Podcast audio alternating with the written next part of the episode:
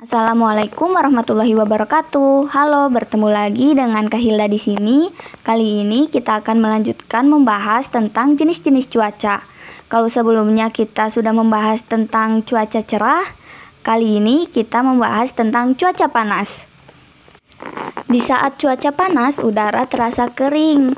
Alasannya, saat cuaca panas, udara akan terasa kering karena sinar matahari. Ketika tengah hari, cahaya matahari jauh tegak lurus ke bumi sehingga terasa kering menusuk.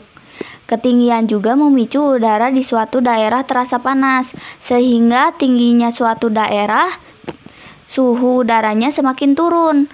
Inilah kenapa suhu di lokasi landai atau datar terasa panas, akan tetapi di daerah pegunungan terasa dingin.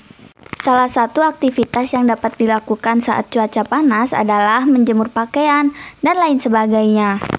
Saat kita melakukan aktivitas di cuaca panas, lebih baiknya kita memperbanyak minum air putih agar mencegah dehidrasi di tengah cuaca panas. Sampai di sini dulu ya pembahasan tentang cuaca panas. Lain kali kita akan membahas tentang cuaca yang lainnya.